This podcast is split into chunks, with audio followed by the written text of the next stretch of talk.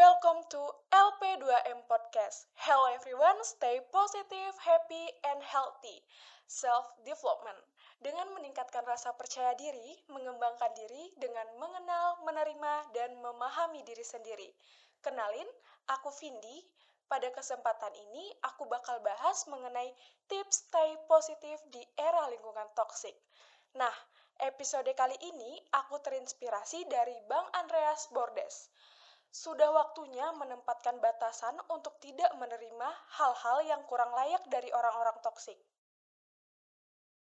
Lingkungan sangat berpengaruh akan pribadi seseorang. Jika kamu berada di lingkungan positif, maka kamu akan menjadi pribadi yang positif. Namun, jika kamu berada di lingkungan negatif, maka akan cenderung negatif.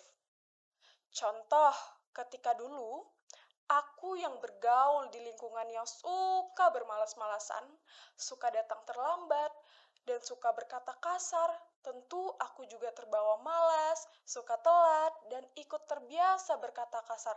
Benar-benar yang keluar kebun binatang semua. Ingat ya Sobat LP2M, itu dulu dan masa laluku.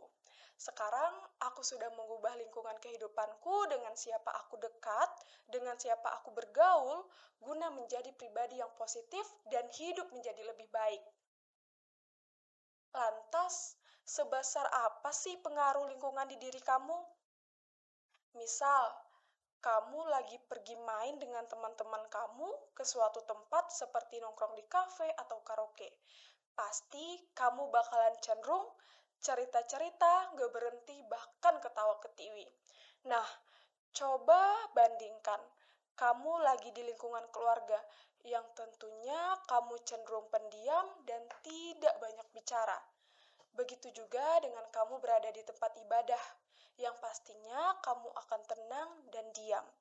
Dari sini kamu bisa mengetahui pengaruh lingkungan untuk diri kamu memilih seperti apa lingkungan sekitarmu, dengan siapa kamu bergaul, maka akan berdampak terhadap perilakumu serta cara berpikirmu.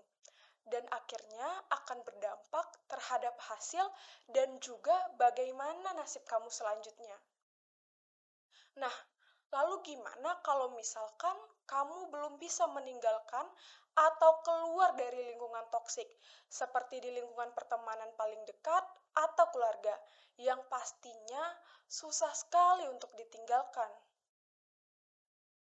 Jika situasinya kamu gak bisa ngejauhin situasi tersebut, maka solusinya kamu harus mempunyai identitas diri kamu sendiri yang tentunya hanya kamu yang bisa nyiptain hal tersebut.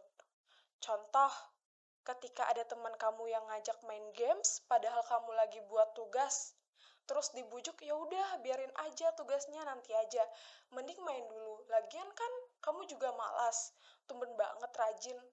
Maka pada saat itulah kamu harus memiliki identitas diri yang kuat agar kamu gak terpengaruh akan hal-hal tersebut. Jadi, kamu harus yakini diri kamu bahwa kamu adalah orang yang rajin, orang yang semangat, baik, dan positif. Sifat-sifat ini yang harus kamu tanamin ke diri kamu, sehingga tidak ada satupun orang yang mampu menggoyahkan identitas dirimu. Seringkali kamu terpengaruh kata-kata orang lain, ajakan orang lain, karena kamu tidak memiliki identitas yang kuat dari dalam diri. Kamu harus yakin dengan beliefmu, keyakinanmu, bahwa kamu tidak mudah dipengaruhi hal buruk apa pun di luar sana. Dan selanjutnya, Biasakan berkata tidak atau menolak ajakan orang yang hanya membuang waktumu secara tidak berguna, seperti main, nongkrong, atau jalan-jalan secara berlebihan. Yakini dirimu bahwa kamu adalah orang yang konsisten dan profesional yang pada saat ini masih merintis karir untuk menuju kesuksesan. Dan ketika kamu sudah konsisten dengan berkata tidak, maka pada saat itulah lingkungan baru akan terbentuk untukmu dan respect terhadapmu. Dan akhirnya kamu bisa melakukan sesuatu yang kamu suka. Oke, sobat LP2M Podcast, ingat ya, yang pertama, kamu harus mempunyai identitas yang kuat akan diri kamu. kamu yang mengatur mau menjadi seperti apa, dan kamu hidup sesuai dengan identitas dirimu. Jangan sampai orang lain yang menentukan hidupmu. Kedua, berperilakulah sesuai dengan identitas yang kamu buat untuk dirimu dan jalani dengan konsisten. Lalu, yang terakhir, kamu harus berani berkata tidak untuk menolak kepada sesuatu yang tidak sesuai dengan identitas dirimu. Ingatlah bahwa kamu tidak bisa mengubah orang lain, tidak bisa mengontrol orang lain. Yang bisa kita ubah, yang bisa kita kontrol hanyalah diri kita sendiri.